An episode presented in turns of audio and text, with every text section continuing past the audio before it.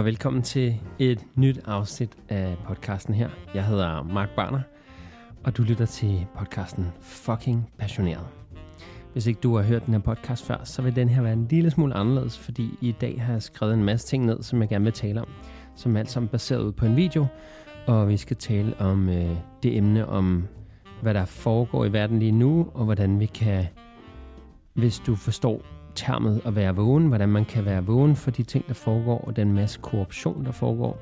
Jeg vil sige, vi er nået til en tid nu, hvor at der er så meget teknologi, som der forsøges at implementeres i os mennesker.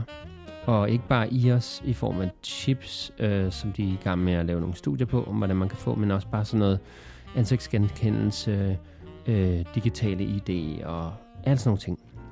Så i dag håber jeg, jeg kan gøre dig lidt klogere på øh, alt det, der er sket undervejs i coronatiden. Vi skal ikke tale så meget om corona, men vi skal egentlig bare bruge det som et eksempel på, øh, hvad vi har fundet os i, øh, og hvordan en helt øh, samlet regering har på verdensplan har fået os alle sammen i, hvad skal man kalde det, en stor omgang lockdown.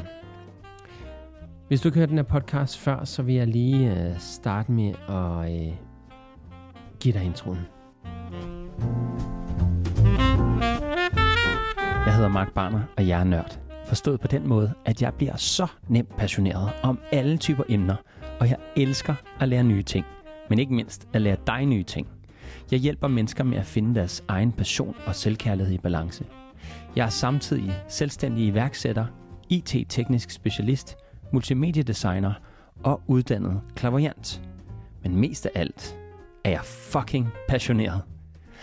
Velkommen til podcasten, hvis formål er at inspirere dig, eller måske bare bekræfte dig i det, du allerede ved. Sponsoreret af macgeni.dk Din Mac og PC-ekspert. Hvis du godt kunne tænke dig at være sponsor på den her podcast, så er du meget velkommen til at række ud til mig på markbarner.com og øh, skriv til mig. Du kan også skrive, finde mig på Instagram på markbarner. Og øh, det vil være en fornøjelse at lave et samarbejde med dig. Jeg kunne godt tænke mig at på et tidspunkt få den her podcast til at være en indkomst, sådan så at den i hvert fald kan betale sig selv, og den, øh, det udstyr og de ting, jeg bruger til at generere den her podcast. Så det kan også være, at det bliver bruger øh, betalt til folk, der gerne vil støtte podcasten. Men i dag skal vi tale om noget helt andet, som jeg har sagt. Og jeg vil lige sætte settingen her. Jeg sidder i, øh, i mit sommerhus, og øh, lige nu er solen faktisk snart på vej op.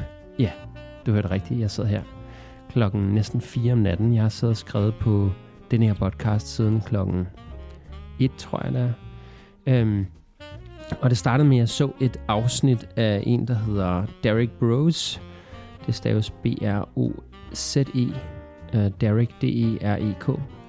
Han er aktivist og undersøgende journalist, øh, forfatter og en del af det, der hedder Conscious Resistance Network.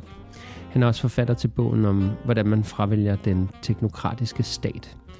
Øh, og der kommer jeg tættere ind på, hvad det handler om at være te- øh, en teknokratisk stat. Men det er lidt eller det, vi begynder at nærme os med øh, AI og alle de ting, der er.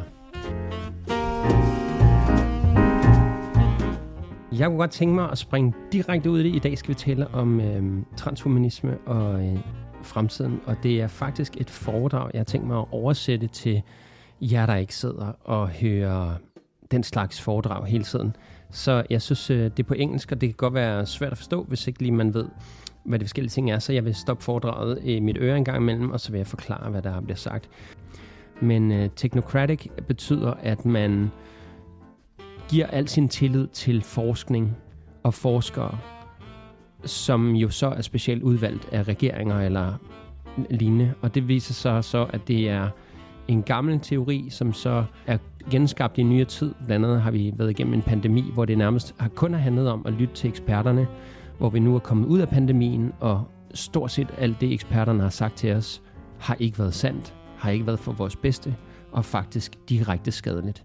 Så igen troen på, at eksperter kan drive verden, og at vi så ikke skulle have, øh, skal have noget at skulle have sagt, er jo ligesom det, det handler om i dag.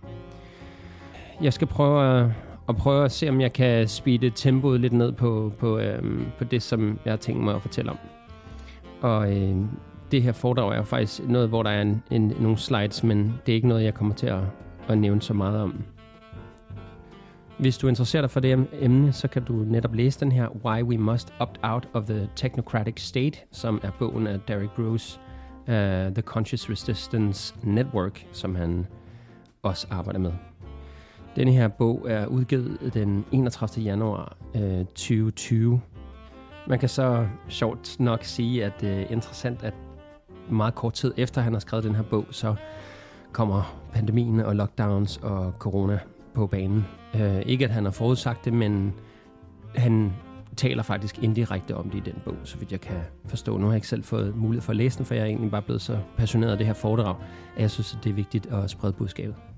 Faktisk er den her bog oversat til øh, rigtig mange sprog, øh, stort set alle sprog, og øh, er blevet meget populær netop på grund af, at den i talsætter noget, inden det kommer til at ske. I talsætter den faktisk det, der sker mere eller mindre. Nå, beklager, jeg var lige måtte lige stoppe optagelsen her, for at øh, der var en flue, der synes, den skulle være med i podcasten. Så øh, det var altså dejligt med, med lidt øh, indskudte sætninger her. Så øh, jeg, vil lige, jeg vil lige fortsætte tilbage til emnet, men nu er der i hvert fald ikke nogen fluer, der er med. Han har faktisk lavet en øh, ny udgave af sin bog, der hedder Post-Covid Edition, som måske også er vigtig at lige at tage med. Og den har han lavet, fordi at der er sket meget under pandemien, som måske tjente at komme med i bogen. Blandt andet øh, det term, som man ikke kendte til før, eller jeg kendte godt til det, men han nævner det, som han ikke kendte til det. Øh, men noget, der hedder The Great Reset, som er skrevet af World Economic Forum, og som også er øh, en bog, der hedder The Great Reset, som er skrevet af Klaus Schwab fra World Economic Forum, som tydeligvis er meget korrupt og elsker det her term transhumanisme, hvor at man blander øh, blandt andet også øh, robotter og mennesker sammen. Det kommer jeg tættere ind på på, øh, på et andet emne. Altså transhumanisme er øh, en bevægelse eller en filosofi, der fokuserer på øh, brugen af videnskab og teknologi til at forbedre den menneskelige tilstand. Transhumanisme øh, og transhumanister tror på, at det er muligt at forbedre menneskers fysiske og mentale evner gennem teknologiske fremskridt.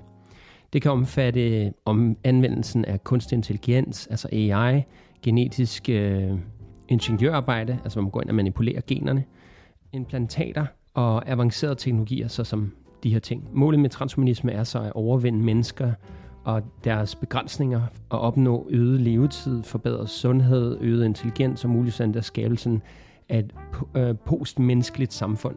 Altså at mennesker ikke eksisterer mere, som vi kender os i dag, men at vi så er delvis robotter.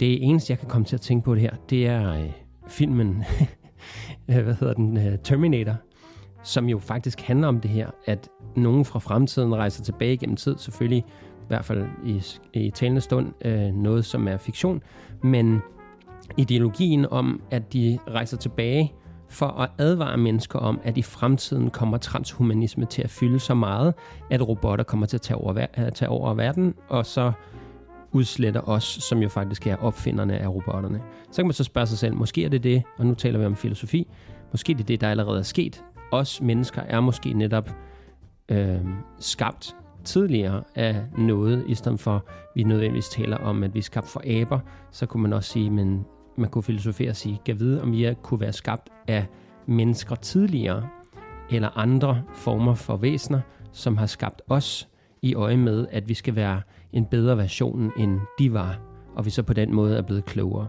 Hvad ved jeg? Det var en lille side, øh, sidebemærkning. Jeg elsker filosofi, for hvis man ikke tør eller kan tænke filosofisk, så begrænser man sig selv, fordi det er vel bare at stille spørgsmål til de små ting. Men kort sagt, så øh, handler øh, transhumanisme altså øh, om at give eksperter, altså det er det, jeg talte om før med øh, øh, teknokrati og transhumanisme, det det handler om at give eksperter magten til at træffe beslutninger i samfundet baseret på deres ekspertise, mens transhumanisme handler om at bruge videnskab og teknologi til at forbedre den menneskelige tilstand og overvinde vores naturlige begrænsninger. Men man skal bare huske på, der er jo ligesom nogle bagsider af det her. Fordi hvis man kan alt det her, så kan man også manipulere med folk. Hvis du får indopereret en chip, som øh, Klaus Schwab nævner i en af sine foredrag, ikke ham, jeg sidder og gengiver, men ham fra World Economic Forum, øhm, så kan man, at han mener, at formålet skal være, at man kan mærke andre menneskers følelser, øhm, og på den måde aflæse dem tydeligt. Det vil sige, at man kan fyre sin ansatte, hvis de har farlige følelser på arbejdet, eller farlige tanker. Og når man siger farlige, betyder det så bare, at man har lavet et forbud mod nogle tanker og følelser, man ikke mener, man skal have. Og hvis du så har dem, kan du så blive fyret, eller blive afstraffet på en måde.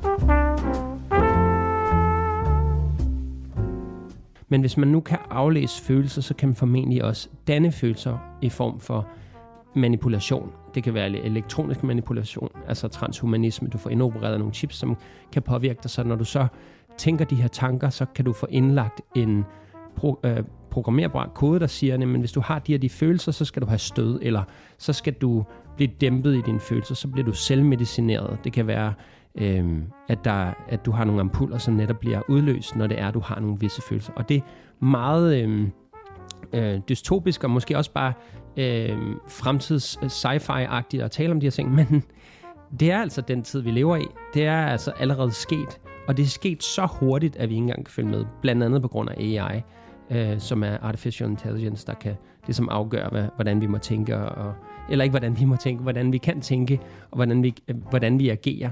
Altså AI kan jo skrive og forudse, hvordan et menneske kan reagere ud fra nogle, noget data, den har aflæst et eller andet sted. Altså AI laver statistik, og ud fra det kan den så lære at tænke selv. Altså AI kan altså lære sig selv noget. Hvis du ikke ved, hvad AI er, så vil jeg anbefale, at man lige researcher lidt. Men AI, du giver den en opgave, hvor den selv skal lære sig selv nogle ting. Man har blandt andet givet AI en opgave om, at den skulle prøve at øh, jeg kan huske, hvordan den skulle skaffe sig adgang til et eller andet, hvor AI opfandt, at den kunne lyve over for nogle andre, for at få en person til at klikke øh, de her, du kender de her internet-ting, hvor der står, jeg er ikke en robot. Så fik den en anden person til at klikke for den, altså logge ind for den og klikke på den, jeg er ikke en robot, fordi det kunne den ikke selv gøre. Men den fik manipuleret et menneske til at gøre det. Og det er jo sådan, det er så langt vi er med AI, det er bare for at give et lille eksempel på det. Men AI er noget ekstremt langt, øh, bare på de få måneder, jeg har brugt AI øh, eller jeg brugte det i overvis, men nu er det bare blevet så godt, at det også er skræmmende godt. Altså, du behøver ikke længere lave en lejekontrakt selv og skrive den selv. Du kan bare skrive til AI, lav en lejekontrakt til mig. Du behøver ikke længere sige, lav en ansøgning til et job. Du kan bare sige, lav en ansøgning for mig. Altså til AI. Så ja, det, det er værd at tage med, at øh, de her ting øh, er både gode, men der er også en bagside af det. Og desværre, dem der styrer bagsiden, det er lidt ligesom Niels Bohr, der kom med teorien om atomkraft, og, øh, eller ja, det kan man måske godt i store træk sige. Øhm, og så Einstein, der også havde nogle teorier, blandt andet om atomkraft, som man så bagefter senere tænker, ej hvor smart, så kan vi få vedvarende energi, og det koster ikke særlig meget. Ja, eller du kan give den til militæret, og så kan de slå milliarder eller millioner ihjel. Så det er jo også bagsiden af medaljen, som siger, nå nej, men fordi så vandt vi en krig. Jamen nu taler vi så ud fra et ego, at jeg vil vinde en krig, og hvis det koster menneskeliv, så kan det aldrig være godt. Det er også derfor krigen i Ukraine, Rusland versus Ukraine, kan aldrig være godt, fordi den handler om at slå mennesker ihjel for at få mere magt, eller få mere land, eller få mere styre. Og så kan man sige, at det er jo en nødvendighed for at kunne opnå, ja, det er dit ego, der siger, at du gerne vil have noget. Hvis vi virkelig elskede mennesker, så, så gik vi ind for fred. Så gik vi ikke sammen om at lave krig mod nogen andre, så gik vi sammen om at skabe en her af fred. Man kan ikke lave krig mod krig, men man kan, og det er i øvrigt et, et gammelt Beatles øh, øh, citat, tror jeg, eller sådan noget lignende. Øhm, nå, men lad os komme tilbage til foredraget. Så øh, nu har du i hvert fald fået noget af, hvad transhumanisme er, og, øh, og, og hvad teknokrati er, øhm, som jo er det der. Øh, en, jeg kan lige kort sige sådan, teknokrati er en styreform, hvor eksperter inden for videnskab, teknologi og økonomi har den primære magt og beslutningstagning i samfundet. Øh, I et teknokrati er det ikke øh, politikere eller valgte repræsentanter, der bestemmer, men snarere faktisk specialister inden for forskellige områder. Ideen bag teknokratiet er, at eksperterne med deres viden og ekspertise kan træffe de bedste beslutninger for samfundet som helhed. Og så kan man sige bedste i gåseøjne, ikke? fordi det kommer an på personen, hvad deres agenda, hvilken politisk øh, tankegang har de, hvis de har en kommunistisk tankegang, fascistisk eller nazistisk eller øh, diktaturtankegang, jamen så kan det jo være, at de kommer til at blande deres viden med ideologi. Og på den måde, så får man ekstremister. Så det er jo det, man skal passe på med, når man har øh, et samfund, hvor man lægger, lægger al magt over på dem, der har ekspertisen. Man bør i stedet for, i min mening, øh, interviewe eksperterne, og så på den måde få deres viden og blande den sammen med empati øh, og moral og så videre, og finde ud af, hvad er det bedste for mennesker. Og mange gange, at vi lægger al vores tillid hen på andre mennesker, som vi ingen relation til, ikke engang selv har valgt, kan være enormt skadeligt, fordi du vil altid opdele et samfund. Så kan du sige, at det er for menneskers bedste og deres egen sikkerhed. Ja, det lyder mere som en salgstale, end det lyder som noget, der er faktuelt. Fordi nogle gange, så er det også okay, at vi brænder os og laver fejl og øh, dummer os som mennesker for at lære af det, for at blive bedre. Og det er jo derfor, at historie er så vigtigt. Også selvom statistisk set du ikke kan stole på al historie, der er skabt, så vil jeg sige, statistisk set, så er det vigtigt at vide, hvad der er sket i historien. Selvom historien altid er skrevet af de vindende krigsherrer, fordi det er jo ikke taberne, der satte sig ned og skrev bøgerne om, hvordan de blev tabere. Det er tværtimod vinderne, der siger, jamen, de skal bare holde kæft, fordi vi skal bestemme, ikke? Det er jo os, der har vundet det hele, så derfor er det os, der skriver historie. Og det er jo derfor hele den der talemåde, man siger, vi skriver historie lige nu. Ja, fra en vinkel skriver du historie. Hvis det er dig, der vandt fodboldkampen, og det er vinderne, der skriver det, så, så lærer du ikke noget fra taberne, så lærer du kun, hvad vinderne gjorde. Men for at der er en vinder, så skal der jo være en taber. Hvis du ikke ved, hvad taberne gjorde, så kan du ikke øh, igen se, hvad det tabende hold lavede af fejl for at tabe, og derved kan du ikke lære af deres fejl.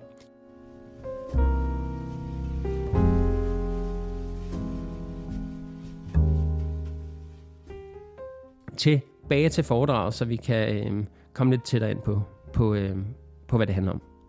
Der er ikke så mange mennesker, der har lagt mærke til Agenda 2030, som er en stor del af det World Economic Forum og EU og øh, ja, øh, andre instanser øh, prøver at, øh, at pushe. WHO er også en del af det.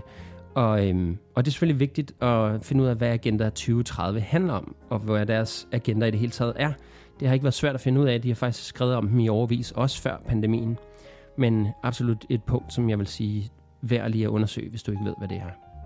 Du kan faktisk allerede nu tjekke EU's verdensmål, øhm, som er en hel liste af ting, de synes, der skal være i verden. Og så kan du ligesom prøve at stille dig selv spørgsmål, om det vil tjene alle det højeste og bedste. Og så tror jeg, du vil komme til samme konklusion som jeg, at ideologisk lyder det rigtig godt, men alle bagsiderne kan have enorme skader, hvis det var, at vi stolede på det, og hvis vi stoler på hele narrativet om, at jorden er ved at gå under på grund af en klimakrise, selvom at vi ikke har nok evidens og videnskab til at vide, hvad det er for en klimakrise. For eksempel ved vi ikke, hvor meget CO2 må der være i atmosfæren, hvor meget er for meget CO2, og hvorfor er CO2 skadeligt. CO2 er også sindssygt godt, hvis du ikke har CO2, for eksempel efter torden og regnvejr. Jeg ved ikke, om du har lagt mærke til, så det er nemmere at trække vejret. Og det er blandt andet, fordi der er mere CO2 i luften. Men hvad er CO2 så skadeligt? Nej, det er det faktisk ikke. For meget CO2 vil øh, langsomt kvæle os alle sammen, fordi så vil vi mangle ilt. Men det er jo en smuk balance, og CO2 spises altså af alle planter og plankton, så det vil sige, hvad, gør, hvad, bruger, hvad spiser de det så for? Det er for at så kreere ilt, som vi så også lever af. Så igen, man kan ikke bare sige, at der er en klimakrise, fordi isen smelter. Ja, men igennem millioner af år, så har isen smeltet, og så er den genopstået. Og igen, hvis man kigger på temperaturgraderne, det her må du selv researche, men kigger du på temperaturen, så er den, altså, øh, jeg tror det er 1-2 grader højere end, end, øh, end normalen, men den er ikke højere i forhold til forhistoriske temperaturer, der er optaget af eksperter i øvrigt, apropos øh, øh, teknokratiet. Men eksperter har netop været ude at sige, jamen temperaturen har været meget højere end det her. Så vi er, vi er langt fra at opnå det værste, vi kan opleve. Og det betyder heller ikke, at fordi der er en krise. Og læg bare mærke til, at research, at hver, hver tiende år, der er en krise, enten er det en oliekrise, det er øh, hvad hedder, ozonlagskrise, eller øh, der har været så mange, så, så undersøg, hvilke kriser der har været siden, øh, hvad jeg kan huske, 80'erne og 90'erne og faktisk også 70'erne, jamen så vil du lægge mærke til, at, øh, at det hvert, hvert 10 år, så siger regeringer verden over, nu er det det her, vi skal fokusere på, nu er det her det værste, nu er det her det, der er en trussel for os alle sammen. Og sjovt nok, ingen af tingene sker. Og så kan du så sige, det er jo fordi, vi gør noget ved det. Ja, eller også er det fordi, at der ikke er så meget sandhed i det, men at man kan generere enormt mange penge, og hvis man kan holde folk i frygt, jamen øh, så kan man komme rigtig langt, hvis man bliver med at, at lave frygtpropaganda. Og det er jo det faktisk nyhederne er i dag. Altså hvis du kigger på, hvor meget frygt der er i nyhederne, versus hvor meget godt der er i nyhederne, øh, noget, der skader, øh, skaber CO, øh, øh, hvad hedder det, øh, endorfiner, eller noget, der gør dig glad i det hele taget, det er der meget, meget lidt af, hvor at, øh, øh, det, der skaber kortisol, stress i kroppen, det er der enormt meget af. Hvis man bliver med at undertrykke et folk med frygtpropaganda, så bliver du ved med at kunne få mere sygdom, og få folk til at være mere forvirret, og derved nemmere at blive kontrolleret og styret af en regering. Og der er der ikke noget konspirationsteoretisk i, det er simpelthen bare baseret på statistik og historie og evidensbaseret forskning.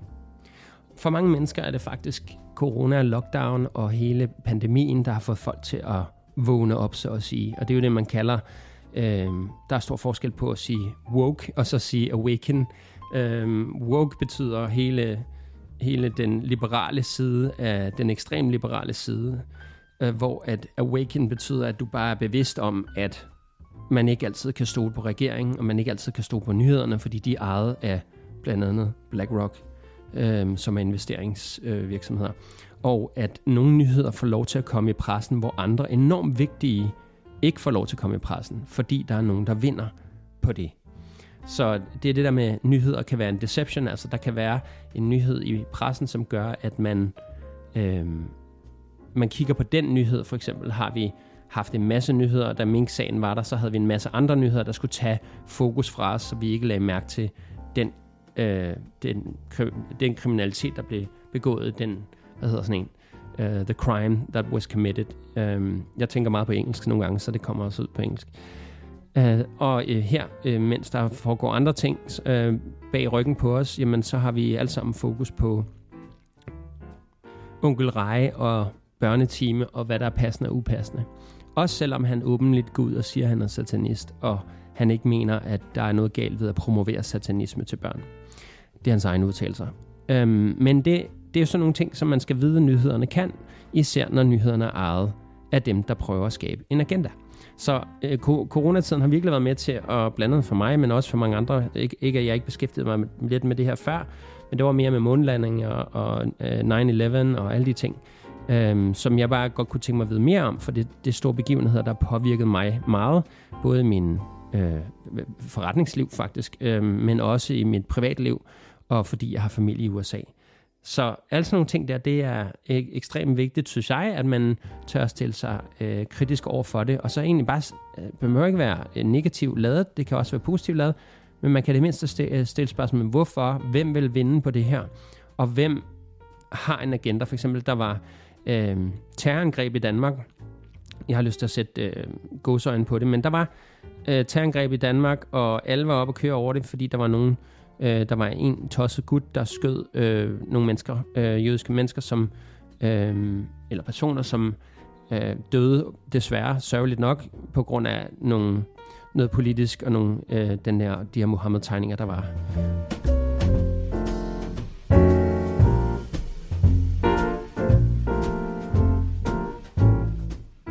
Det var så ikke øh, de mennesker, der døde, som, som personen gik efter, formentlig, men der kom det og blev, blev pushet meget kraftigt af vores øh, regering som værende en, øh, et terrorangreb.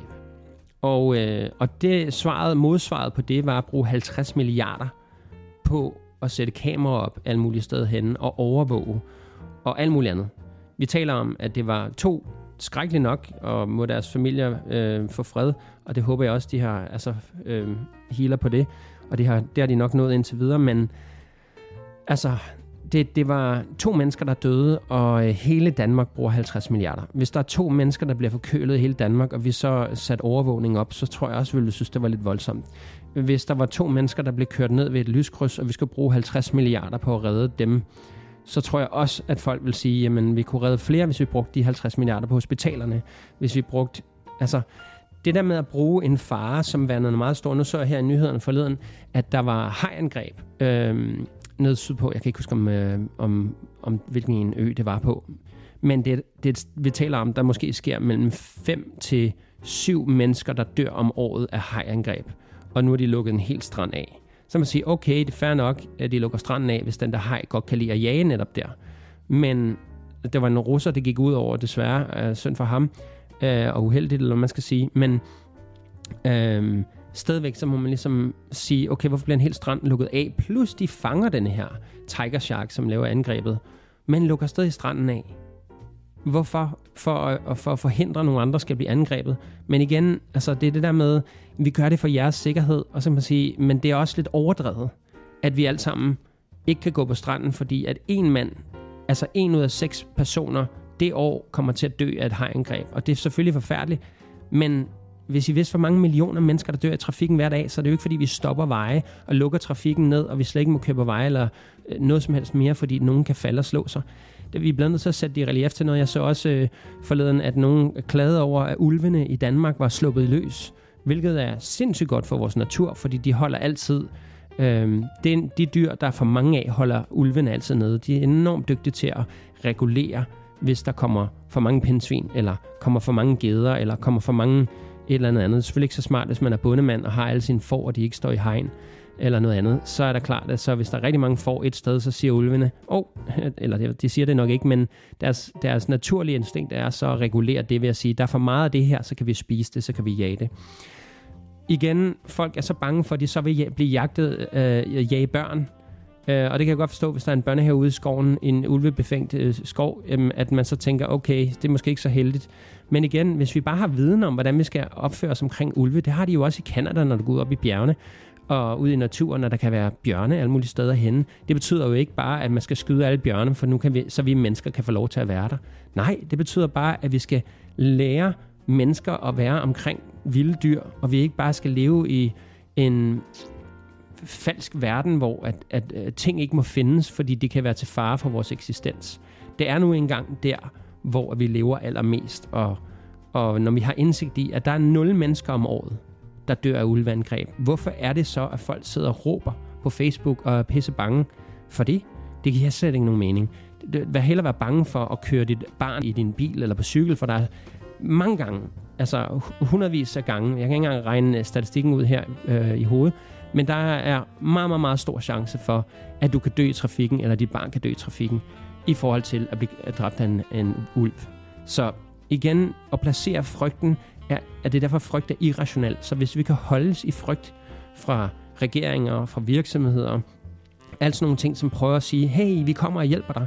Det har faktisk vist sig så mange gange at kunne betale sig at skabe den fare, for så bagefter være den samme person, der kommer ind og, og så skaber sikkerheden. Så det svarer til, at en, forsikringsvirksomhed går ind og siger, øh, går, øh, hyrer nogen til at gå ud og smadre nogle biler, for så at bagefter sælge dig en forsikring, så hvis det skulle ske igen, så tjener de penge på det, og det her måske koster dem mindre at sende en person ud og ødelægge en bil, end det koster dem øh, af, af de penge, du så giver dem igen. Ikke?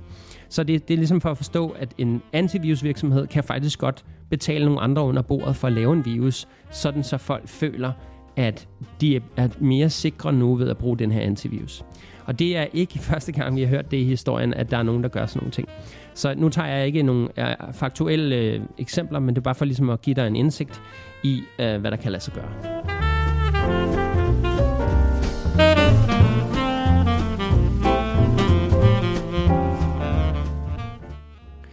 Men i det hele taget, så vil jeg sige, at øh, han i det her foredrag taler også om, at, øh, at vi skal passe på med alt det her kontrol, fordi at det får social credit score til at blive en fast ting. Hvis du ikke ved, hvad social credit score er, det betyder, at man alle, alle os som individer, vi får af regeringen en karakter. Så har du 100 point, og jo mere du falder i point i løbet af dit liv, jo øh, dårligere situation er det. Jo dyrere bliver dine forsikringer, jo dyrere bliver dit hus, jo mindre mad kan du købe, flere supermarkeder kan du ikke komme ind i. Du kan måske ikke engang længere få en forsikring. Du kan måske ikke længere køre mere end 30 km i timen, øh, fordi at du falder i point for hver gang du laver en fejl.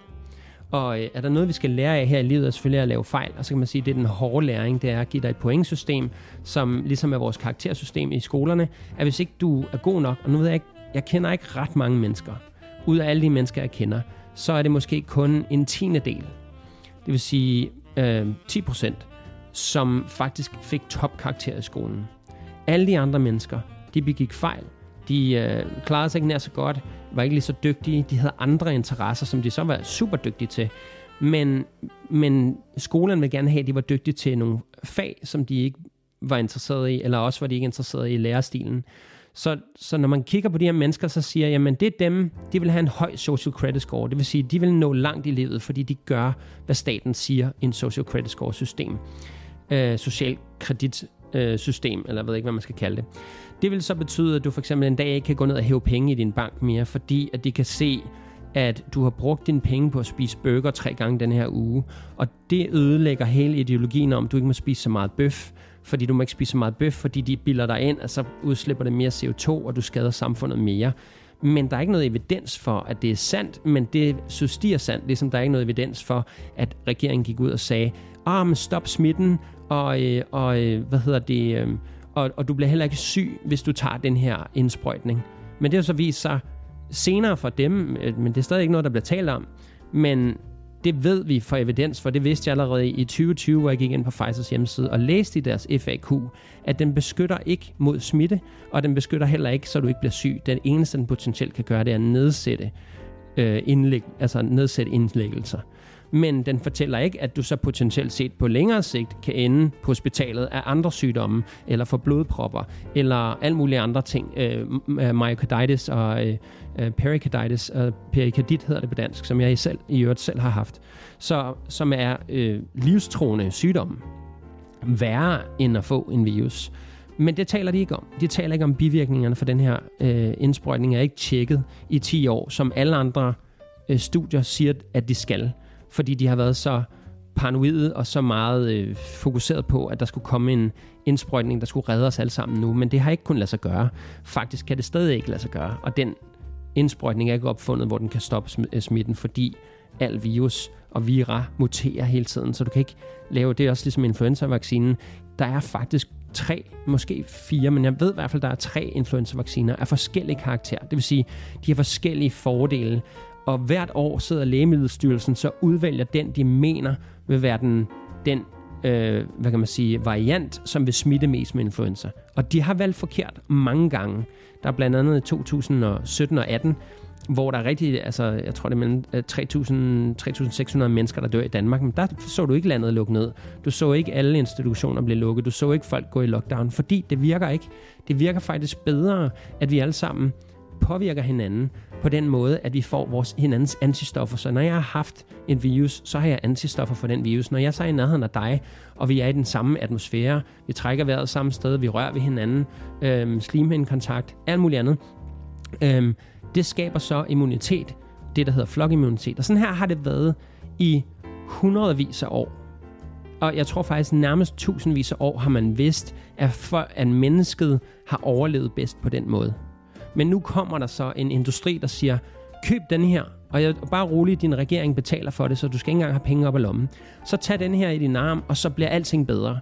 Men det har bare vist sig, at det ikke er lige så effektivt. Og det har det selvfølgelig været for nogle sygdomme. Vi skal slet ikke bandlyse, at, at lægeindustrien ikke også har opfundet noget godt som antibiotika og alt muligt andet. Men det er stadigvæk noget, vi har haft naturligt i naturen før. Men vi har bare mistet den viden, fordi der er kommet en en virksomhed, Big Pharma, og sagt til os, jamen, vi skal bare spise, du skal ikke spise de her ting nu. Nu skal du i stedet for bare tage den her pille, som egentlig består af det samme, men øh, pillen er syntetiseret, det vil sige, øh, den er, jeg ved ikke om det er det rigtige ord at bruge, men den er op, lad os sige, at øh, en plante består af 100 forskellige stoffer og så deler de de stoffer op og finder ud af, hvad hver enkelt lille 100 stof gør ved kroppen. Og så syntetiserer det det sammen og siger, nu er det, det her, nu er det, det her stoffer i en pille, de skal hjælpe dig. I stedet for, at du kan gå ud og spise den plante. Ah, men den plante kan jo have bivirkninger. Det kan være, at du får dårlig mave. Ja, det kan godt være, at du får dårlig mave, men det kan også være, hvis du spiser en mindre dosis, du ikke får dårlig mave. Og hvis du så spiser den, ligesom du spiser en pille, og du tager en hver dag, du tager et blad hver dag og spiser fra den plante, så kunne du potentielt opnå det samme. Bortset fra, at planten har så bare måske endnu flere fordele, som vil booste dit immunsystem. Men man kan ikke tage et patent på planter, det vil sige, medicinalindustrien kan ikke sælge en plante, og så sige, øh, nu har vi taget patent på den her, og du må ikke plukke den. Det kan de ikke gøre, det er ikke lovligt, og man kan ikke tjene penge på det. Og det er jo heldigt for os, fordi det er ude i naturen. Så jo mere man ved om de her ting, jo mere forståelse har man for, at når de kommer ud og siger, at du skal bare gøre det her, og så virker det. Og det er jo det, der er så farligt ved teknokrati. Der kommer en ekspert, som måske er betalt af den her industri til at sige de her ting. Det ved jeg i hvert fald som lægesøn, at min far fik betalt en masse kongresser og en masse ophold af medicinalindustrien. Altså en masse gratis fik han håndlanget, fuldstændig, eller ikke håndlanget, hvad det, øh, givet til sig, øhm, gratis, og han kunne tage også familien med og alt muligt andet, så vi kunne komme på ferier alle mulige steder henne hvor medicinalindustrien betalte, mod at min far selvfølgelig fik en god opfattelse af det her produkt, de prøver at sælge.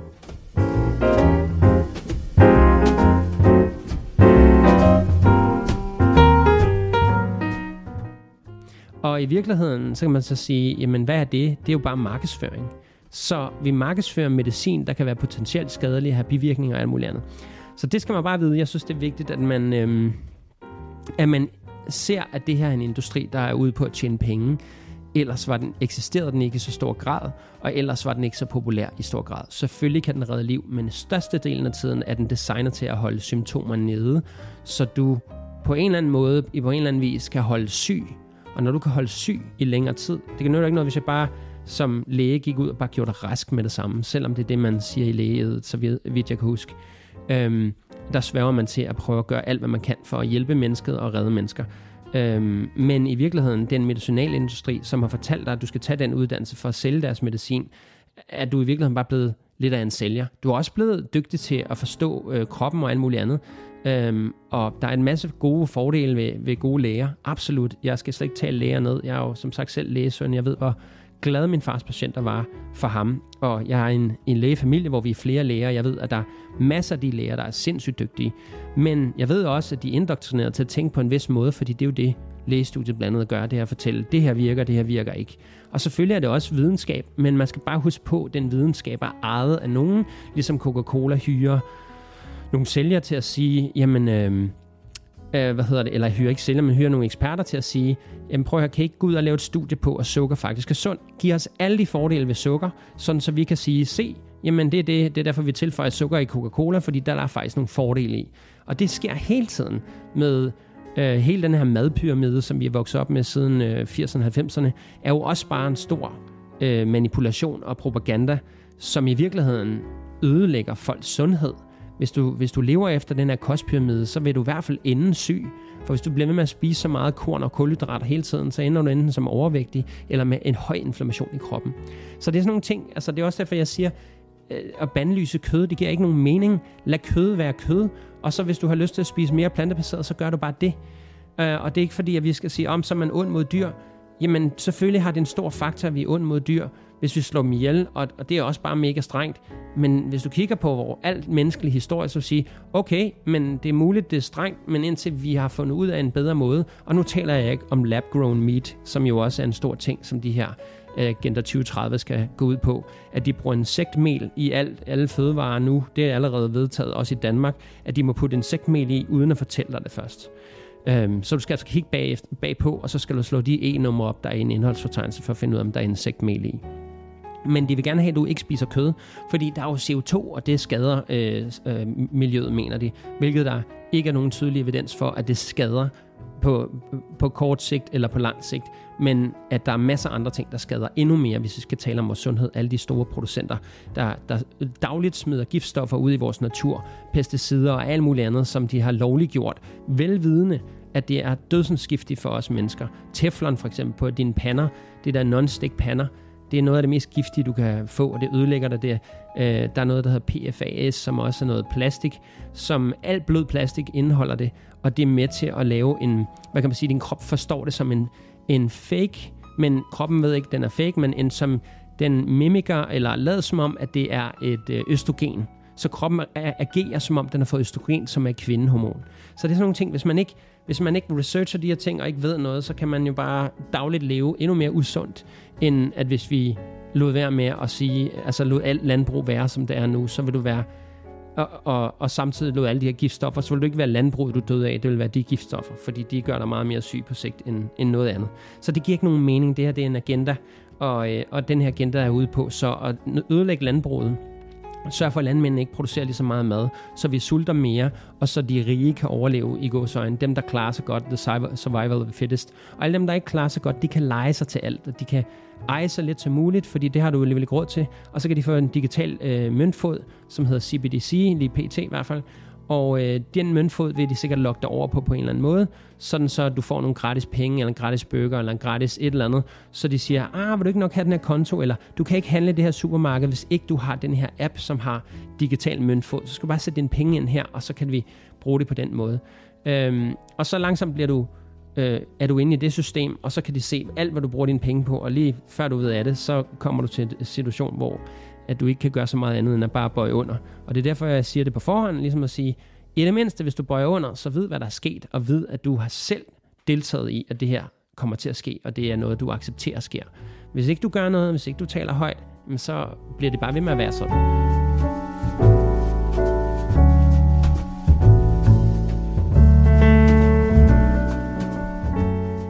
man skal huske på, at de her elite, som pusher den her agenda 2030, de pusher den jo, fordi det kan tjene dem bedst. Og de mener ikke, at de ser på dig og mig som værende mennesker, som får, der ikke har nogen logisk tanke, eller ikke kan tænke selv, eller ikke ved, hvad der er bedst for dem selv.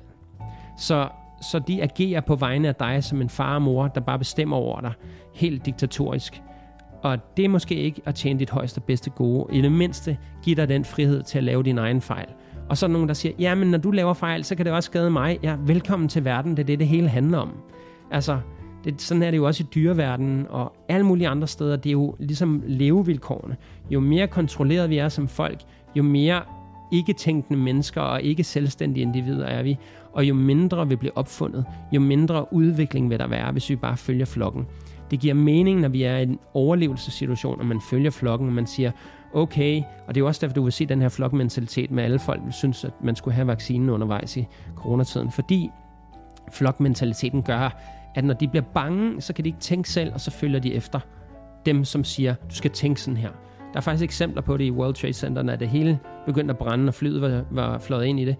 Øhm, at det der så, da imens det så brændte på sit højeste, så var der mennesker, der prøvede at flygte, hvor der var nogen, der fortalte, at de kunne se nogle mennesker løbe direkte ind i flammerne, fordi en person sagde, kom, vi skal denne her vej. Og når nok mennesker løber i en retning, så følger du typisk efter, hvis du er i frygt. Og det er jo det, man skal tænke over, at der er altså mange gange, vi bliver ledt direkte ind i flammerne, hvis vi ikke forholder os skeptiske, og prøver at lære noget om, okay, vent lidt, de løber den vej, men der flammer for enden af den gang. Hvordan kan det tjene mit bedste. Det kan det ikke. Og så på den måde prøve at løbe den anden vej og bruge din logik, eller kravle på gulvet for at sørge for at ikke blive kvalt i den røg, i stedet for at løbe. Altså, der er masser af ting, og det, det, det er nemt for mig at sidde her og være klog på det, fordi når man er i sådan en situation, så ved at man agerer fuldstændig irrationelt, eller på den første instinkt. Men hvis du så ikke har lært at agere på dit instinkt, og ikke har lært at lytte til dig selv, fordi det har regeringen og staten hele tiden fortalt dig, det, du skal ikke bare lytte til dig selv, du skal bare lytte til os, for vi ved bedst. Og det er jo blandt andet det, øh, det her øh, transhumanisme går ud på, at du ved ikke beg, øh, bedst, men vi laver teknologi, der så kan fortælle dig, så du ved det lidt bedre, så vi kan styre dig, og vi kan, vi kan give dig den viden. Det er jo også det, AI gør. Jeg har og brugt AI til blandt andet at lave den her podcast, for at se, hvor lang den er. Og hver gang jeg vil have den til at være skeptisk over for noget, så vil den i først nævne alle fordelene. Og så siger den, ja, man kan jo være skeptisk, og så nævner den sådan nogle vage grunde, bevæggrunden for, at, hvorfor man kan være lidt skeptisk. Men reassuring, altså øh, slutter typisk med at skrive, men, men det vil være godt for vores udvikling, hvis vi valgte transhumanisme eller teknokrati. Så man skal bare huske, at AI har en agenda, for det er nemt at kode ind i den kode, at den skal lære os. Du kan bare give den restriktioner og sige, at den skal altid være for injektionerne, øh, indsprøjtningerne, eller den skal altid være for øh, noget, et parti eller en ideologi. Og det er jo det, der er problemet med alt det her. Så det, det synes jeg er nogle vigtige punkter at tage med, og så fik du lige en dejlig lang rant om det. Før pandemien, så vidste vi ikke noget om, der var noget, der hed vaccinepassports, altså øh, vaccine-ID, eller hvad man nu vil kalde det, og som jo mit ID også blev brugt til nu. Øhm, det vidste vi ikke noget om. Vi vidste ikke engang, hvorfor det var nødvendigt. Men hvis man går ind og researcher, som jeg har gjort, så vil man kunne finde ud af, at EU har faktisk lavet en plan. Jeg tror, den startede i 2017 eller 18 om, at hele verden skal tvangsvaccineres. Og nu står der ikke tvang, men der står, at det skal anbefales kraftigt, at alle vaccineres, for at de overhovedet må rejse rundt i landene. Så kan man spørge sig selv om, hvorfor det, når vi ikke har en pandemi? Og, og må man ikke anse, at hver sygdom, bakterie, virus er med til både at bygge os op, men også kan slå os ihjel. Mange gange er det jo de svageste, der dør, og det er jo survival of the fittest. Sådan har det jo altid været i, øh, i øh, men, den menneskelige historie og i naturen. Så igen, os der er overlevet, os der er her nu, er jo kun til takke for de mennesker og forfædre med bedre gener, der har overlevet indtil nu. Og det vil sige, vi er jo så bare den næste i rækken til at finde ud af, hvordan vi vil overleve. Og når man så bare bøjer under for eksperimentel medicin, så kommer man i teorien ikke til at overleve. Og hvis det er det, der får en til at overleve, så er det i hvert fald godt klaret, at, øh, at, at hvis det skulle være sådan.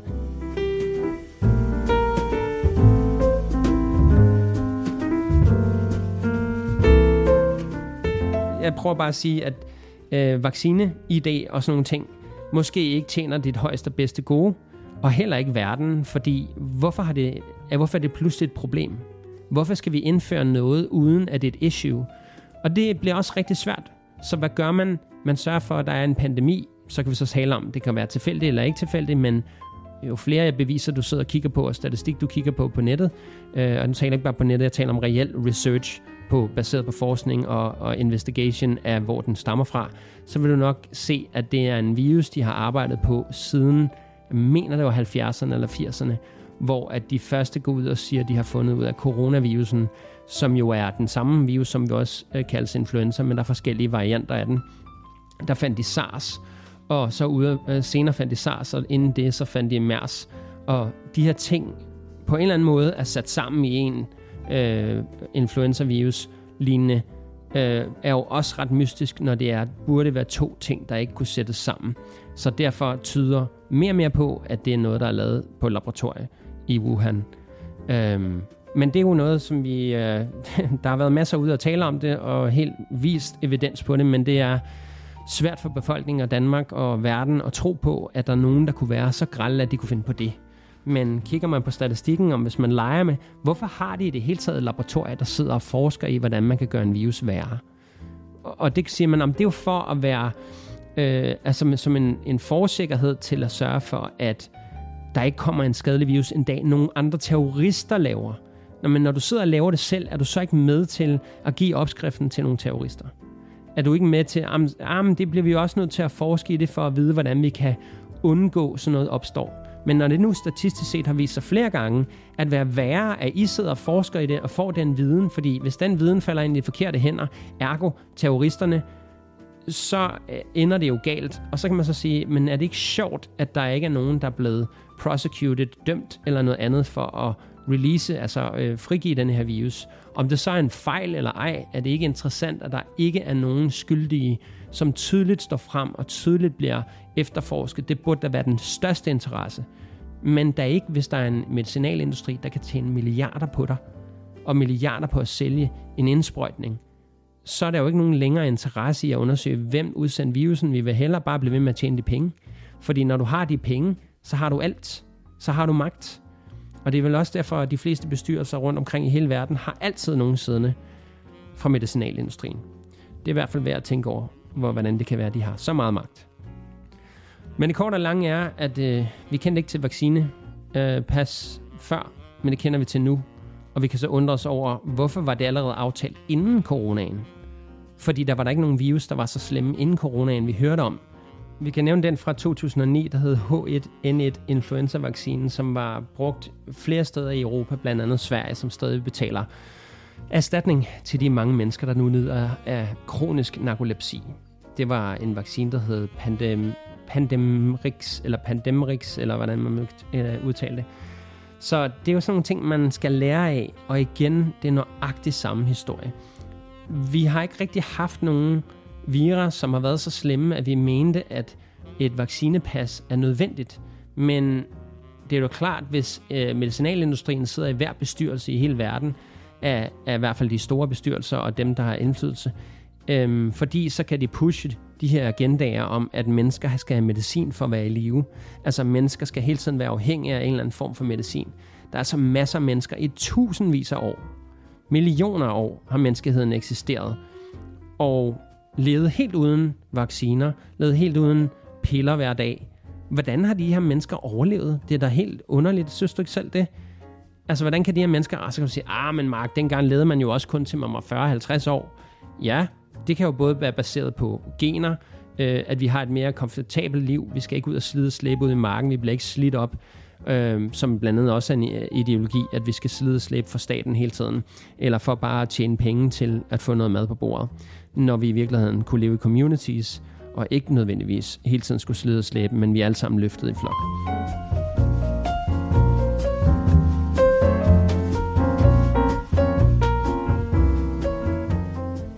Anyways, det er en anden teori, eller en anden filosofi. Men jeg synes i hvert fald, det er sigende, at der er indført de her pas.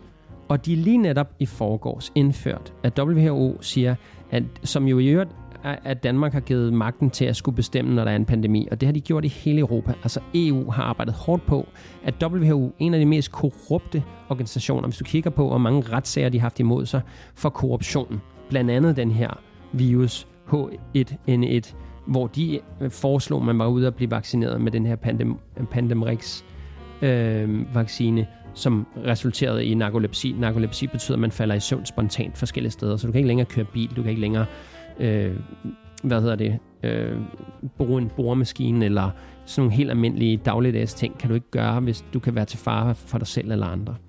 Så, så det er altså folk, der er kronisk syge, der aldrig kommer til at have et normalt liv igen.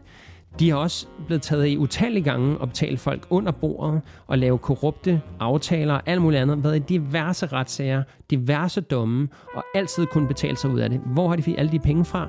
Gæt hvor. Al den medicin og alle de aftaler, de pusher, for de arbejder sammen med medicinalindustrien.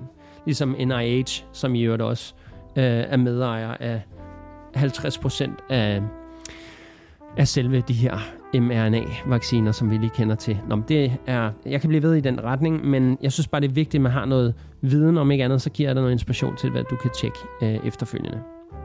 Det korte og lange er, vi burde ikke behøve de her vaccinepas, som jo kun er fuld kontrol af din bevægelighed og hvor du er, om du gør det, staten vil have dig til. Fordi der er der ikke nogen, der skal bestemme over din sundhed, og hvad du putter i din krop, og hvilken noget medicin du har taget. Du er ikke til far for andre, hvis de har taget... Hvis der er nogen, der er bange for at få en virus, så kan de da selv tage den vaccine, og så er de jo ergo beskyttet, ikke? Det er jo det, det hele handler om. Men det er samme som at sige, hey, du går ikke med paraply i regnvejr, så virker min paraply heller ikke. Det kan man jo ikke. Hvis ikke du er vaccineret, så virker min vaccine ikke, eller hvad? Nej, det giver ikke nogen mening. Der er ikke noget logik i det. Det, det er ren propaganda, det er ren salgsteknik, det er ren udskamning. Så man kan tage det som en advarsel, at verden går i en retning nu, som måske ikke tjener vores bedste, men kun statens og de her store organisationers bedste. Så man kan sige, at det her, for, øh, det her foredrag, han holder, og det her, som jeg taler om, handler så om, at vi skal fokusere på, hvilke løsninger kan der være på situationen. Jeg tænker også, at du måske selv sidder og lytter med i håb om, at jeg kunne finde en løsning eller sige noget, der kunne give dig en lille smule håb, eller en lille smule trøst, eller en lille smule indsigt i, hvad der foregår i verden. Og hvordan du kan håndtere det selvfølgelig. Transhumanisme og øh, teknokrati, især teknokrati, opstår i blandt andet den, øh, the, the Great Depression i USA. Og dengang så prøvede de store tænkere at tænke, hvad er det næste skridt for, at vi kan undgå øh, de her ting, og hvordan kan vi løse det, hvordan kan vi komme ud af det. Økonomien, øh, alt finansielt i den finansielle sektor var, gik ikke godt. Folk mister deres penge og deres arbejde, og i det hele taget øh, leder det til fattigdom. Og der var så nogle af de her tænkere, der sagde, okay, de her politi- politikere, de er simpelthen for dumme til at regne ud, hvordan vi kan fikse det. Og ikke kun det, så er folket også for dumme til at vide, hvad de skal gøre. Vi har brug for, i stedet for en elite af teknologiske, velvidende eksperter, som kan forklare os, hvordan vi bedst kan komme ud af det her, som jo har en indsigt. Det mente man i hvert fald dengang. Så kan de ligesom styre samfundet, fordi de må jo vide bedst, skulle man tro. Det vil alt sammen være teknokrater, og det vil så blive styret af en teknokratisk konge, som ligesom sammen med de her eksperter skulle bestemme over folket. Den her movement øh, skete der ikke så meget med i lang tid, men hvis vi kigger på de idéer, der er i dag, og den måde, man agerer i dag, også under pandemien, så kan man se, at det er de samme idéer, der er genskabt i dag, og den samme ideologi med teknokratien. Med AI og computer og øh, hele den her perspektiv om, at øh, tek- teknik skal kunne redde os ud af det. Noget, der ved bedre end os. På den måde så skulle teknokrati kunne gøre det at sige, om den her, det her øh, øh, øh, society, hvad hedder det på dansk, det hedder øh, den her øh, community, det her, det her område har brug for den her ting, herover øh, har de brug for det her i stedet for, og herhen skal vi kunne gøre det her. Alt sammen med brug af data og videnskabsmænd og alt sådan noget. Og det lyder jo godt, når man sådan laver en salgsaftale, at der er nogen, der ved præcis, hvad de folk skal have. Men det er jo ikke sikkert, at det er det, der tjener folket bedst. Og man kunne på den måde også sige, jamen det her, øh, det her folkefærd skal have så så meget mad, og de her herover skal have den her slags mad, og man kan på den måde styre hele samfundet med den teknokratiske tilgang de troede selv på, at det kunne være et, uh, the great utopia, altså det store paradis, hvor at alle mennesker kunne leve symbiose, fordi de bare vidste, hvad der var bedst for alle, og ingen mennesker skulle selv kunne tænke selv. I USA var der faktisk flere partier, som gik ind for den her teknokrati og pushede den her agenda i uh, længere tid, og, en, og flere folk fik lignende idéer. Faktisk øh, Elon Musks øh, grandfather, altså bedstefar, var øh, en medlem af en af de her partier, der hed The Social Credit et eller andet parti. Og det var i Canada som en del af det her teknokrati, øh, som, som opstod på det tidspunkt. Det er godt at have lidt indsigt, og der er en masse bøger om det her, hvis det er noget, du vil øh, studere mere. Men øh, det, den havde i hvert fald sin tid, den her teknokratiet, og øh, senere hen så øh, døde det lidt mere ud, og blev ikke øh, accepteret som en, en tanke, der var, der var værd for, for fremtiden. Men desværre er de her idéer jo stadigvæk noget, der har guidet politik i mange år, øh, lige siden faktisk. I over 100 år faktisk. Det vi hørte under coronatiden med stol på eksperterne er faktisk et teknokratisk mindset. Så den samme form for teknokratisk propaganda, at du skal bare lytte til eksperterne, de ved, hvad du skal. Altså en måde at sige, at folket er dumme og fatter ikke noget, derfor er der nogle andre, der skal bestemme over jer.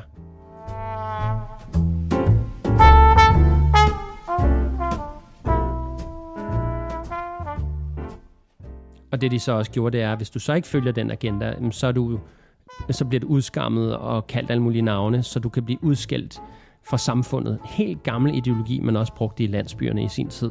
Øh, så helt sådan, hvad kan man sige, øh, gammeldags øh, diskriminerende måde at skubbe folk ud af samfundet. Hvilket også skabte en frygt hos andre i samfundet, sådan så at man ikke havde lyst til at være en af dem, der blev skubbet ud af landsbyen, og så have mindre chance for at overleve, fordi man kan jo ikke overleve alene, i hvert fald ikke dengang, men det kan man jo så godt i dag. I 70'erne var der en, der hed Zbigniew Brzezinski, som også var teknokrat. Han har været rådgiver for diverse amerikanske præsidenter. Og det har han faktisk været helt op til, fra 70'erne op til Obamas tid faktisk. Hans bedste ven var Henry Kissinger. Hvis du ikke ved, hvem Henry Kissinger, så kan du ligesom slå ham op og se, hvad hans skøre idéer var øhm, og er, for han lever stadigvæk og er over 100 år, så vidt jeg ved. Og man forstår ikke rigtig, hvordan han stadigvæk er i live. I 70'erne skrev han en bog, der hedder America Between Two Ages, The Technotronic Era. Han beskriver i den her bog technocracy, men han beskriver det så i stedet for et andet ord, der hedder technotronic. I bogen beskriver han også det globale politistat, og hvordan det skal ledes af professorer og videnskabsfolk. For ikke at sige også eliten. Sjovt nok, samme tidspunkt som han skriver bogen, så opstår organisationen The World Economic Forum også, som taler om de samme idéer og ideologier. Og et, en klub, der hedder The Club of Rome, opstår også på det tidspunkt. Med blandt andet idéer og ideologier om, at vi mennesker er vores egen fjende. Og på den måde, så skal vi indlære os, at det er os, der er problemet, og os, der er udfordringen for samfundet. Jeg ved ikke, om du kan genkende det her, at den her klimakrise er jo skruet ind over den samme ideologi. Hvis bare du bruger mindre plastik, hvis bare du sparer mere på vandet, hvis bare du ikke spiser kød, hvis du bare spiser mere insektkød, hvis du bare tager en vaccine, er sådan nogle ting. En, en ideologi om, at du er problemet, hvis ikke bare du gør, hvad der skal gøres, fordi det siger eksperterne, du skal. Men du stiller ikke spørgsmål til eksperterne, så finder du aldrig ud af, om det er noget, der vil tjene dit højeste bedste gode. Det er teknokrati, og det er en ideologi, som allerede arbejder i samfundet nu, og hvis man ikke er klar over det, så kan man ikke se det. Alt sammen styret af de her scientists og eliten. I foredraget bruger han øh, et, et term, der hedder COVID-1984, fordi der er en, øh, George Orwell skriver en bog, der hedder 1984, som hvis ikke du kender til, bør gå ind og læse, eller i hvert fald slå op, hvad den handler om. For det er et meget stort afbillede af, hvad han dengang skrev, en, det er en gammel bog jo, hvad han skrev, hvad øh, en, en ødelagt stat, et ødelagt folk vil ende med at leve efter. Og øh, ja, det er måske øh, lidt øh, firkantet opsummeret, men prøv at gå ind og slå lidt op om uh, George Orwells 1984, fordi det er derfor, han kalder den The Rise of the Technocrats and COVID-1984. Han nævner blandt andet Bill Gates, uh, Elon Musk, uh, Bezos, der har Amazon, og Fauci, som jo i USA sagde, at man skulle tage vaccinerne. Som vi også har en masse danskere, Heunicke og uh, Mette Frederiksen blandt andet, som også pusher de her idéer. Og Søren Brostom, som sjovt nok lige har gået ud og skrevet en børnebog om, hvordan sundhed er, blandt andet, at man skal tage vacciner som barn. Hvilket blandt andet er det, der har ødelagt min sundhed, fordi mine forældre gav mig nogle vacciner, jeg ikke kunne tåle, og jeg har stadig bivirkninger i dag, mange, mange år efter. Og blandt andet kan man også sige folk som Facebook-ejeren Mark Zuckerberg, og igen, de har fuld kontrol over de værktøjer, vi bruger hver dag, og på den måde kan være med til at skabe den her propaganda og at skabe den her ideologi. Så hvis der hele perspektivet er stol på eksperterne, fordi de ved bedre, så vil vi uanset hvad det er, de synes vi skal, vil de bare diktere. Og det er jo det, der ligesom er formålet. The Technocratic King. Og de kan jo faktisk kontrollere de samtaler, vi har på de her sociale medier, og har også gjort det. Jeg har blandt andet censureret rigtig meget for faktisk bare at dele evidensbaseret videnskab, øh, skrive min egen mening, som jo også burde, øh, i, øh, hvor man har ytringsfrihed, så må man jo godt sige sin egen mening, uanset om folk kan lide det eller ej. Også selvom folk godt kan lide det. Så øh, jeg har jo mange folk, jeg har, der har begyndt at følge mig igennem pandemien, fordi jeg netop har skrevet de ting, jeg har taget videnskab og evidensbaseret forskning og prøvet at normalisere det på en måde, sådan, eller skrive det på en måde, i talsætte det på en måde, så alle kan forstå, hvad det er. Og stille spørgsmål til det, og være skeptisk, og øh, i det hele taget også øh, være fortaler for noget af det. Men det har jeg ikke fået lov til, for jeg er blevet censureret. Og hver gang jeg har fået en ny følger, så har Instagram slettet en af mine eksisterende følgere. Jeg er en af folk, der har skrevet til mig og sagt, Mark, hvorfor har du slettet mig som følger? Og det har jeg aldrig nogensinde gjort. Men mit tal på de følgere, jeg har, er helt som blevet holdt nede. Min historie er blevet holdt ude.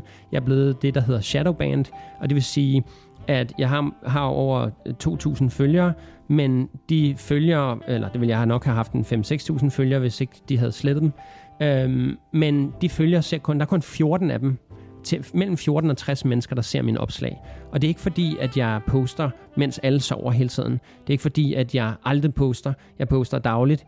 Men det det at være shadowban, det er bare, at jeg er censureret. Så det er altså kun en mikrodel af de følger, jeg har, der rent faktisk ser min opslag. Og det er jo det, der er problemet med sådan et samfund med teknokrati. Hvis jeg siger noget, der er imod teknokratiets øh, ønsker og ideologier, jamen så er jeg en fare for teknokratiet, og hvad gør man så? Så censurerer man. Det, man kan genkende fra historien, hvor andre folk har censureret andre mennesker, eller nyheder ikke skriver om de happenings, der er, de events, der er, det er begyndelsen på kommunisme.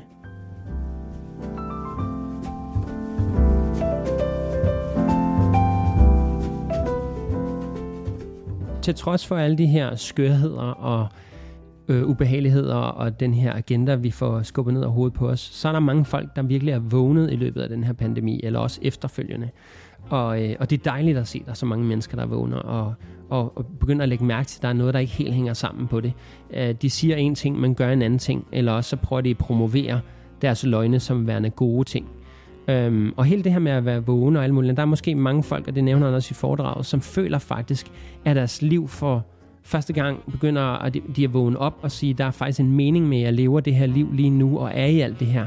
Selvom det er hårdt, selvom det er svært, så har vi på en eller anden måde alle sammen valgt at være og blive født i den her tid samtidig, så vi kan hjælpe andre folk, støtte dem og give dem hjælp til at blive vækket og prøve at vise dem en vej. Øh, også kan de vise mig og øh, dig vejen i stedet for. Men der er mange folk, og blandt andet i de her foredrag, der klapper, fordi de også føler, at de på en eller anden måde er kaldet til at leve i den her tid, hvor at man udvikler sig spirituelt set og, øh, og får indsigt i det her, den her korrupte agenda. Så der er to måder at leve på, sådan helt øh, hårdt øh, skitseret.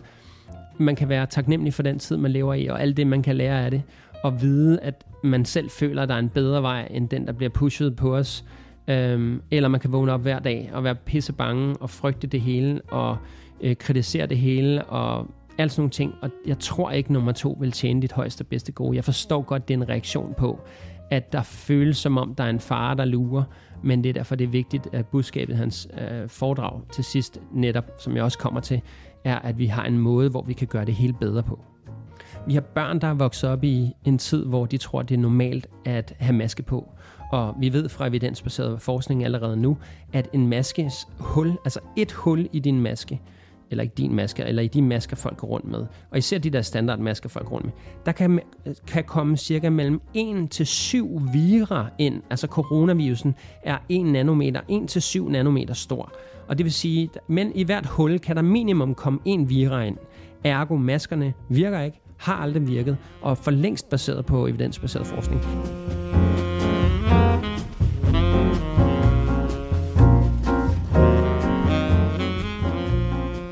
Jeg ved fra min morfar, som jo ligesom døde for, hvad ved jeg, 30, nej, ja, nogle 38 år siden.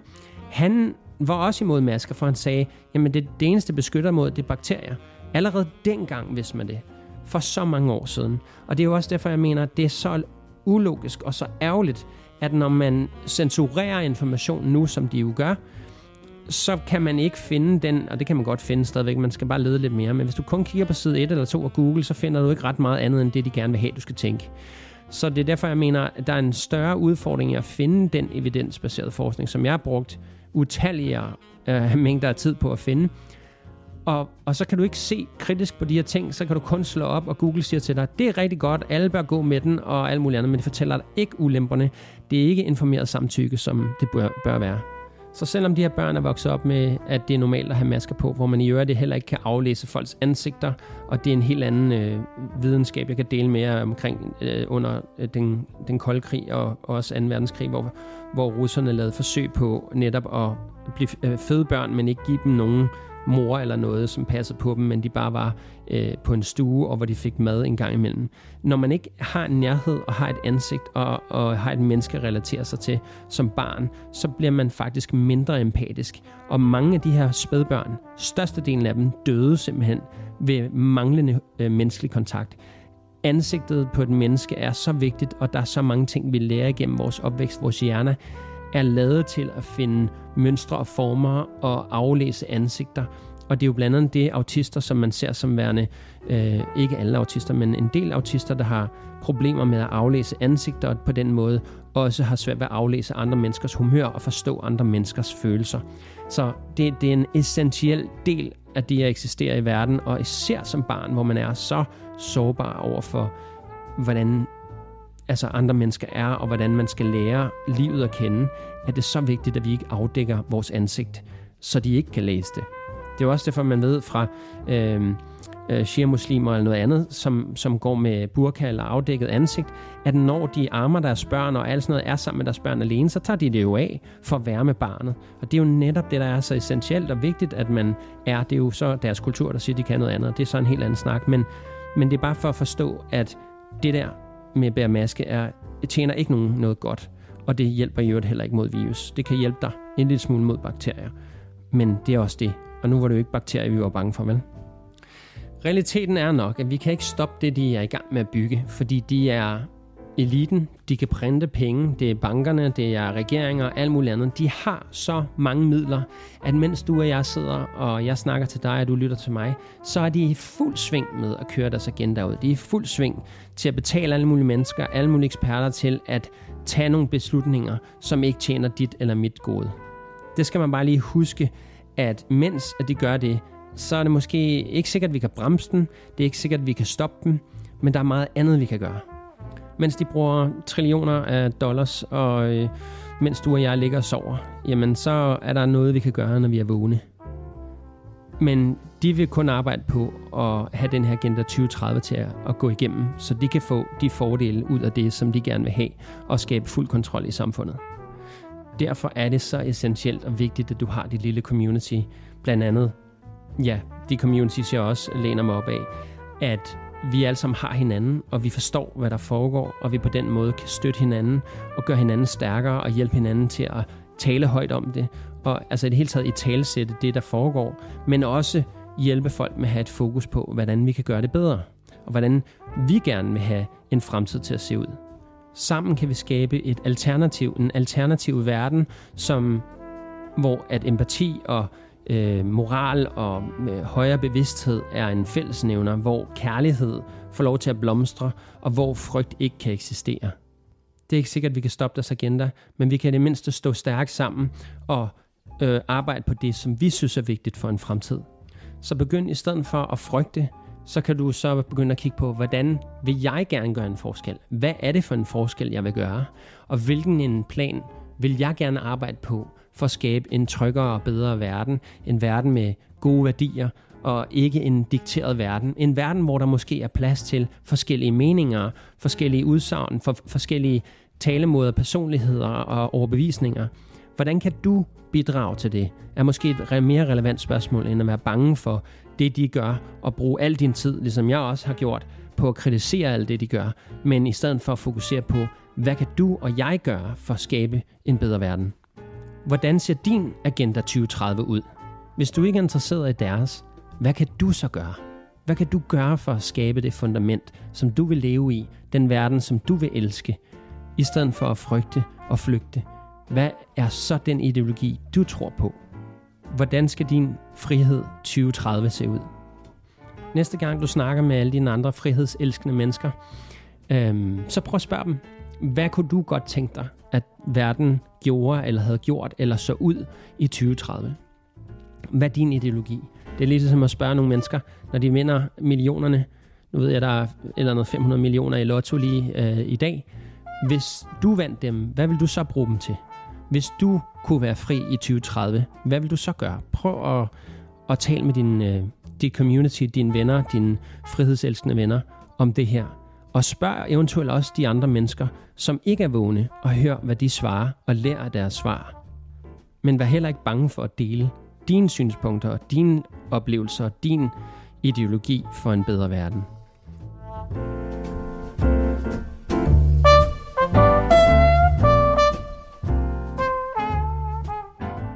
Så hvis vi kan lade være med at argumentere og diskutere med andre mennesker på internettet hele tiden og dykke ned i kaninhuller, når vi godt ved, at når vi kommer ud på den anden side af det kaninhul, så ser tingene bare værre ud. Det betyder ikke, at vi skal lukke øjnene for det, men vi kunne måske bruge energien bedre og på en mere kærlighed, kærlig måde og en mere kærlighed til hinanden og os selv. Vi kunne arbejde på at bygge et parallelt system, som giver plads til at holde rum for, at vi alle sammen kan udvikle os i en bedre retning end den, der er dikteret. Det betyder ikke, at man giver op eller man flygter fra det hele. Det betyder bare, at man i ser i øjnene, at det system, vi lever under, det, den politik, som jeg også har talsat før, at den måde, man er politiker i dag, det er bare, at man bliver god til at manipulere og lyve, for at opnå sin vælgere, vælger en, og når man så har magten, så gør man ikke det, man har lovet. Der er ingen integritet, der er ingen straf, man får maks en lang næse, hvis man laver en fejl. Hvis man levede på den måde i sin familieliv, så kunne den ene gud og være den anden utro, og så når den person kom hjem og blev opdaget i det, så kunne man bare sige, nu har du fået en lang næse, ligesom politikerne. Sådan er verden bare ikke skruet sammen kun for politikerne. De må gerne lyve, de må gerne alle de der ting. Og hvorfor må de det? Fordi jeg synes jo ikke, de må det. Men vi har accepteret det som et folk, at de må gerne opføre sig sådan, og det kan vi acceptere. Vi står ikke og, og prøver at gøre en forskel. Vi står ikke, ligesom jeg lige så, der foregår i Spanien, at de landbrugsmænd øh, og, og farmers, hvad hedder sådan noget, bondemænd, de er gået efter politikerne, der har sagt til dem, at de ikke må producere lige så meget. Det har de også gjort i Holland. Det har de også gjort alle mulige andre steder i Europa, hvor de har lavet kæmpe oprør mod politikerne. Jeg ser ikke danskerne rejse sig på den måde. Jeg kunne godt tænke mig det, men jeg kunne godt tænke mig, at vi rejste os og gjorde det, vi synes er rigtigt, uden at lade os regulere. Og hvis der var politikere eller politi eller noget andet, der prøvede at regulere mennesker mod deres menneskelige rettigheder, så stod vi alle sammen sammen. Fordi din nabo er også din ven, din nabo også, kan også hjælpe dig. Din nabo er også næste kærlig. Din nabo vil også gerne dig det bedste. Hvis vi alle sammen vil hinanden det bedste. Og det er jo også derfor, at hele ideologien om, at vi ikke må være forskellige, betyder bare, at hvis du ikke, hvis du er som du er nu, så passer du ikke ind i dit samfund. Og hvis du ikke du passer ind i dit samfund, så bliver du skubbet ud af samfundet af andre mennesker, som i virkeligheden også gerne bare vil være sig selv, men ikke tør andet end at følge den norm, følge den flok. Og det er jo også derfor, man i konspirationskredse kalder folk, der bare følger regeringen, er nogle får, altså tankeløse mennesker, zombier, som ikke tør stille spørgsmål, som altid synes, at det regeringen gør er det rigtige, fordi de har valgt at stole på dem, fordi de har frigivet deres egen tillid, deres egen suverænitet over til dem, så de kan blive bestemt over, fordi de stoler så meget på regeringen. Og det er jo ikke noget galt i, som, så sådan, hvis man har det fint med det, synes jeg, at man skal have lov til at være sådan. Jeg synes bare, at det er farligt at afgive sin egen suverænitet, sin egen tankekraft, sin egen vurdering over til nogle eksperter, over til nogle politikere, og tro, at de ved bedre, når deres fundament til at kunne være der er at lyve og snyde, og aldrig nogensinde få en hvad kan man sige, reprimande eller øh, fængselsstraf, eller nogen som helst stor konsekvens. Så i stedet for alt det korruption, så lad os fokusere på, hvordan vi kan bygge noget nyt. I stedet for at skulle rive det gamle ned, så se, hvordan vi kan bygge noget, der er bedre. Noget, der kan inkludere folk bedre, end vi kan lige nu. Noget, der er plads til mangfoldighed, og at det eneste krav, det er bare, at man tør at uddanne sig selv. Man tør at opleve, at man er et selvstændigt individ, der har øh, sin pligt til at indse og forstå, at man faktisk kan lære noget her, og at man tager ansvar for sin egen frihed. Sammen kan vi skabe noget, der er bedre. Tænk på, at alle vores forfædre har kæmpet blod, sved og tårer og liv for at opbygge den verden, du var født ind i. For så at skulle stå her nu og bare finde sig i, nogen prøver at tage verden over fra dig og skal diktere, hvordan du lever. Det tror jeg ikke, dine forfædre var, jeg tror ikke, det var deres intention at give dig det. Så derfor, når vi skal give det videre til de næste, skal vi jo også komme med en eller anden ideologi til vores kommende børn, til vores fremtid, til, til vores børns fremtid, skal vi jo på en eller anden måde overlevere et samfund og en, og en, øh, og en, og en livsglæde og en livsknist og en øh, glæde og en frihed, så de kan blive frie, og de kan blive leve i et, et liv, som er trygt. Og det betyder ikke også, at der ikke må komme ting ind i, i øh, deres liv, som de ikke kan lære af. Altså, de skal selvfølgelig også lære deres fejl. Så det kan godt være, at vi ser nogle mennesker lige nu deltage i den her snart kommende kommunisme og teknokrati, men det betyder ikke, at de ikke en dag vil indse, hvad de har været med til at skabe. Og dem kender jeg mange af. Mange af de mennesker, der er vågne gennem øh, pandemiens tid, har mange gange været i nogle partifløje, som har været ekstreme i en eller anden art men som har fået en bevidsthed om, at hov, det hjælper der ikke mennesker, det hjælper ikke den her ideologi, hvis jeg tænker sådan her. Så lad være med at være en, der bare vidner til al den her korruption ske, uden at du foretager dig noget, hvor du bare sidder stille, stille til og, og ser det ske foran øjnene. Lær at tage ansvar, lær at træde frem, ture, det tager, det tager bare små bitte skridt. Det kan være at dele den her podcast med nogen. Det kan også bare være at gå ud og lave noget research selv. Tal med din nærmeste om, hvad deres mening er. Du behøver ikke nødvendigvis tilkendegive din mening, medmindre du bliver spurgt. Hvis du er bange for at blive udskilt, hvis du er bange for at komme ud af samfundet, eller folk ikke kan lide dig, så se det i stedet for en invitation til, at du behøver ikke gå op i, om andre folk kan lide dig. Du behøver ikke gå op i, om der er nogen, der synes, du er, er ikke er god nok. Fordi så interessant er det altså bare ikke for andre mennesker. Selvom de tænker de tanker om dig, så tænker de bare oftere på dem selv. Og ofte er de let af egen frygt, fordi de ikke tør at tænke som du. Ikke tør at være vågen, fordi de har set, hvordan folk kan blive udskældt. Og jeg ser masser af mennesker, som har ragt ud til mig og sagt, hvordan kan du sige de ting? Hvordan kan du være så åben for det her? Hvad siger dine venner ikke om det? Mine venner siger en masse ting om det. Jeg har nogle gode venner, som øh, synes, at det er fantastisk, og jeg havde også nogle gode venner, som synes, at det er noget værre volapyk, jeg siger, og vi bare skal stole på teknokratiet. Men jeg bliver nødt til bare at tale med, sætte min sandhed, for hvis ikke jeg gør det, hvem gør det så?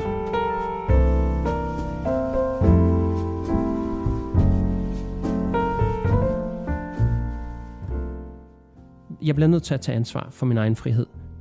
Og det betyder ikke, at vi alle sammen skal være enige. Det betyder bare, at vi alle sammen skal give plads til uenighed. Og på den måde kan vi være enige om ikke at være enige. Det betyder, at vi kræver ikke krig, vi kræver ikke ideologier, vi giver bare rum for, at vi alle sammen kan være her. Så her er en invitation til at flygte ud af det slavesystem, vores system lige nu byder på, og så træde ind i et community, en verden, hvor du kan bygge den verden, du gerne vil have. Det betyder alt fra økonomi til fødevare, til landbrug, til frihed i det hele taget. Og hver gang du lærer nogle trades, som kan bruges af andre, så lær fra dig. Det er også en stor del, det er at være fri. Det er at lære andre, hvordan de kan gøre ting. Hvordan gror man mad? Hvordan laver man medicin, altså naturmedicin? Hvordan bygger man sin egen gård? Hvordan lever man sustainable? Hvordan øh, økonomisk kan man blive fri fra det system, vi lever i? Så du ikke har nogen, der dikterer dig, men din levevis er ikke noget, der kan tages fra dig. Igen, der er også nogle mennesker, der ser den frihed her, som at støtte open source, som er software. Men problemet er bare, at open source nogle gange kan blive få taget ejerskab af andre virksomheder, fordi de kan få lov til at kigge i koden, og på den måde kan de bruge det til deres fordel. Og der skal man bare lige igen være lidt vågen for, hvordan, hvilke veje man vælger. Men open source er jo også en god måde. I virkeligheden betyder det bare, at her er en opskrift, og den her opskrift deler jeg med dig. Nu kan du også skabe det. Nu kan du lave den her opskrift endnu bedre. Brug din energi og tid på at fokusere på, hvordan kan du gøre verden et bedre sted? Hvordan kan du hjælpe dig selv og andre på et lokalt niveau? Måske med et holistisk synspunkt kan vi alle sammen få det liv, vi alle sammen drømmer om. Også selvom det er forskelligt, så kan vi give plads til det. Jeg håber, det resonerer med dig. Det gjorde det i hvert fald med det her foredrag. Jeg synes, han øh, var rigtig dygtig til at sige det, og hvis du gerne vil finde det her foredrag, så hedder han Derek Bruce, og det staves D E-R-R-I-C-K, og så B-R-O-Z-E. Og så bare husk, at for at kunne gøre alle de her ting, er det vigtigt, at man også laver det interne arbejde, altså dit eget emotionelle arbejde. Se, hvad der trigger dig. Se, hvad der, hvad, hvordan du kan spirituelt udvikle dig, og det kan nogle af mine andre podcast-afsnit måske hjælpe dig med. Jeg takker i hvert fald for, at du gider at lytte med, og jeg prøvede at se, om jeg kunne holde mig til en time, men jeg gik, gik lige omkring 17 minutter over. Så øh, please del den her podcast, og igen, hvis du vil være sponsor på den, så er du også meget velkommen. Lad mig høre fra dig. Du kan bare skrive til mig på Instagram, eller gå ind på markbarner.com. Øhm, og hvis du gerne vil høre flere podcast-afsnit, så kan du gå ind på markbarner.com-podcast. Der er altså meget at tage sig til. Så øh, hvis du gerne vil kigge lidt nærmere på din sundhed, så har jeg også lavet en, der hedder Immune boost på engelsk. Øh, uh, immunbooster. Der har jeg lavet nogle kosttilskud, jeg har samlet derinde, som uh, også kan hjælpe dig til et bedre helbred. Men ellers spis varieret og lev sundt også emotionelt. Det vil sige, lave det interne arbejde. Endnu en gang tak for dig, og tak fordi du lytter med. Jeg værdsætter dig så meget hver gang, og jeg er så taknemmelig for, at du har den her tid til at sidde og lytte her, og jeg kan på den måde lære fra mig, og øh, det giver også mig en form for life purpose. Og så lad os håbe, at vi sammen kan ses i det community, vi kommer til at bygge op. Kæmpe stor knus, og tak til dig.